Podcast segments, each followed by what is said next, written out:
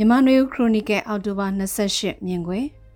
လာရှိုးမြို့အနီးထိရောက်လာတဲ့ရှမ်းမြောက်ကတိုက်ပွဲတွေနဲ့စစ်စင်ရေးရဲ့ဤမှန်းချက်နဲ့လာရာကိုမှန်းဆကြည့်ခြင်း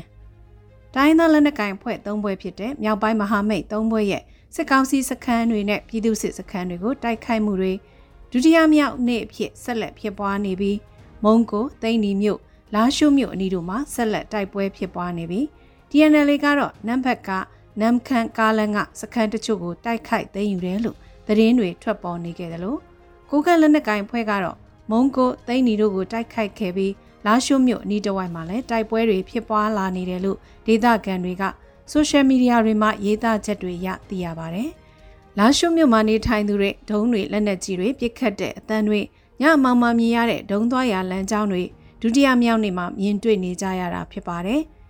ဒုတိယမြောက်နေညာပိုင်းဖြစ်တဲ့လာရှိုမြို့နေတဝိုက်ကတိုက်ပွဲတွေကဘယ်အဖွဲ့နဲ့ဖြစ်ပွားတာလဲဘယ်နေရာတွေလဲဆိုတာတော့တိတိကျကျမပြောနိုင်ကြတဲ့အနေအထားဖြစ်ပါတယ်မြို့ကန်တွေအနေနဲ့ပြစ်ခတ်တန်းဒုံးကြီးပြစ်လွတ်တဲ့အတန်းတွေနားဆွင်ပြီးနေကြရတဲ့အနေအထားလည်းဖြစ်ပါတယ်ကိုကန်လက်နက်ကင်ဖွဲ့ဖြစ်တဲ့ MNDAA ကတော့ဒုတိယမြောက်နေ့မှာကိုကန့်ကိုပိုင်အုပ်ချုပ်ခွင့်ရဒေသချင်းရွှေဟော်အနီးကစစ်ကောင်စီရဲ့တပ်စခန်း၃ခုကိုထပ်မံသိမ်းယူနိုင်ခဲ့တယ်လို့လည်းထုတ်ပြန်ပါတယ်။ စစ်ကောင်စီရဲ့တင်ကားနှစ်စီကိုဖျက်ဆီးနိုင်ခဲ့တယ်ဆိုတဲ့သတင်းဗီဒီယိုလည်းထုတ်ပြန်ထားပြီးတိကျလွတ်လပ်တဲ့အတည်ပြုချက်တော့မရှိသေးပါဘူး။ဂျမနီကစတင်တိုက်ခိုက်ခဲ့တဲ့ရှမ်းပြည်နယ်မြောက်ပိုင်းကလက်နက်ကိုင်ဖွဲ့၃ဘွဲ့ရဲ့ရုတ်တရက်တပြိုင်နက်တိုက်ခိုက်မှုဟာစီးရဲရဘယ်လိုရီမန်းချက်တွေထားရှိတာလဲဆိုတာတိတိပပမသိရှိနိုင်ပေမဲ့အဓိကရီမန်းချက်က2009ခုနှစ်ကတည်းကဖယ်ရှားခံရတဲ့ဖုန်ကြားရှင်ဦးဆောင်တဲ့ MNDA လက်နက်ကိုင်ဖွဲ့နေနဲ့ကိုကန့်ကိုပိုင်အုပ်ချုပ်ခွင့်ရဒေတာကို ပြန်လည်ရယူနိုင်ဖို့ဆိုတာထင်ရှားပါတယ်။အခြားနှစ်ဖွဲ့တွေက DNL အနေနဲ့ဆိုရင်ရှမ်းမြောက်ခြေဆိုင်လက်နက်ကင်ဖွဲ့ဖြစ်လို့ခုလိုစစ်စီရေးမှာနမ်ခန့်နမ်ဘက်ကကားလန်ဘော်ကစခန်းတချို့နဲ့နမ်ခန့်အနီးကစခန်းတချို့ကိုသိမ်းယူတာတွေလှုံ့ဆော်ခဲ့တာဖြစ်ပါတယ်။သို့ပေမဲ့ဒီစခန်းတွေကဘလောက်ထိစီရေးရရေးပါတယ်လဲဘလောက်ကြာကြာထိမ့်ချုပ်ထားနိုင်မလဲဆိုတဲ့အချက်တွေကရှင်းရှင်းလင်းလင်းမရှိသေးပါဘူး။မြောက်ပိုင်းမဟာမိတ်ထဲကတတိယဖွဲ့ဖြစ်တဲ့အေးလက်နက်ကိုင်းဖွဲ့နေတဲ့တော့ ရှမ်းမြောက်ဒေသဟာ၎င်းတို့ရဲ့အခြေခံဒေသမဟုတ်တာကြောင့်အင်အားအနေနဲ့ရေအတွက်ဘလောက်ပါဝင်သလဲဆိုတာတိတိကျကျမသိရှိနိုင်ကြသလိုနေမြေဆိုးမိုးရဲ့ဤမှန်းချက်မရှိတာတော့သိကြတဲ့အချက်ဖြစ်ပါတယ်။အေအနေနဲ့ရခိုင်ပြည်နယ်နဲ့ချင်းပြည်နယ်ရဲ့ပလဝဒေသတွေက၎င်းရဲ့အခြေခံဒေသဖြစ်ပြီးအဲ့ဒီဒေသတွေမှာလက်ရှိနှုတ်အားဖြင့်အပြည့်ရထားတာလနဲ့ချီရှိနေတဲ့အနေအထားလည်းဖြစ်ပါတယ်။ခုလက်တလောဖြစ်ပွားတဲ့ရှမ်းမြောက်ဒေသကစစ်စင်ရေးမှာပါဝင်မှုက ရခိုင်ပြည်နယ်မှာတည်ရှိနေတဲ့အပြည့်ရဲ့သဘောတူညီမှုကိုတက်ရောက်မှုရှိမရှိမသိရှိနိုင်သေးပါဘူး။ရခိုင်ပြည်နယ်အနေအထားကဖြစ်လာနိုင်တဲ့တကြော့ပြန်တိုက်ခိုက်မှုတွေအတွက်လက်နက်နဲ့ရိတ်ခါလူအင်အားအသင့်ပြင်ဆင်ထားတဲ့အပြည့်ရစဲရဲ့အနေအထားမျိုးလို့အကဲဖြတ်နိုင်ပါတယ်။စစ်ကောင်စီဘက်ကလည်းစစ်မျက်နှာအများအပြားတပြိုင်နက်ဖွင့်မထားလိုခြင်းကအဓိကလိုလားချက်ဖြစ်ပြီးအေးအနေနဲ့လည်းအပြည့်ရထားချိန်မှာနေမြေစီယုံရေးလူသစ်စူးစောင်းရေးအခွန်ကောက်ခံရေးတရားစီရင်ရေးလို့ soft power ကိုချက်ထွင်ရေးတို့လှုံ့ဆော်နေရင်ဖြစ်လာနိုင်တဲ့တကြောပြန်တိုက်ပွဲတွေအတွက်ပြင်ဆင်နေကြတဲ့သဘောလို့ယူဆရပါတယ်။ခုဒိုင်းသားလက်နက်ကိုင်၃ဘွဲ့ရဲ့ရှမ်းမြောက်ဒေသတစ်တုံညနှစ်ခွန်စစ်စင်ရေးဟာမြန်မာနိုင်ငံရဲ့အခြားသောဒေသတွေမှာရှိတဲ့စစ်ကောင်စီကိုစန့်ကျင်တိုက်ခိုက်နေကြတဲ့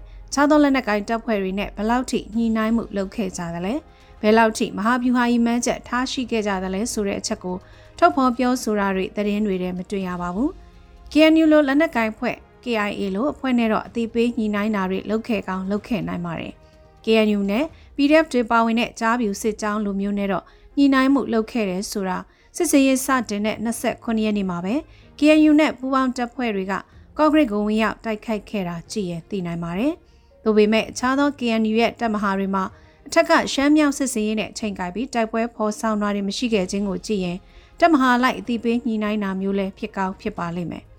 ရှမ်းပြည်မှာအတိကတိုင်းသားလက်နက်ကိုင်ဖွဲ့နှစ်ဖွဲ့ဖြစ်တဲ့ RCSS နဲ့ SSPB SSA တို့ကတော့ဒီလိုစစ်စရေးမှာပါဝင်ဖို့အကြောင်းမရှိတဲ့သဘောမြင်တွေ့ရသလိုဟိုဘုံဒေသအခြေဆိုင် PNL လို့ UWSA မိုင်းလာအဖွဲ့စရှိတဲ့အဖွဲ့တွေလည်းပါဝင်တာမရှိသလိုမြန်မာနိုင်ငံအနောက်မြောက်ဘက်ကချင်းလက်နက်ကိုင်အဖွဲ့တွေလည်းခုစစ်စရေးမှာပါဝင်ကြတာမတွေ့ရပါဘူးဒီအခင်းကျင်းအခြေအနေတွေကိုစူးစီးသုံးသပ်ကြည့်ရင်ခုတိုက်ပွဲဟာစစ်ကောင်စီကိုစန့်ကျင်တိုက်ခိုက်နေကြတဲ့ လက်နက်ကိုင်တပ်ဖွဲ့တွေရဲ့စုပေါင်းလှုပ်ရှားမှုတစ်ခုမဟုတ်ပဲ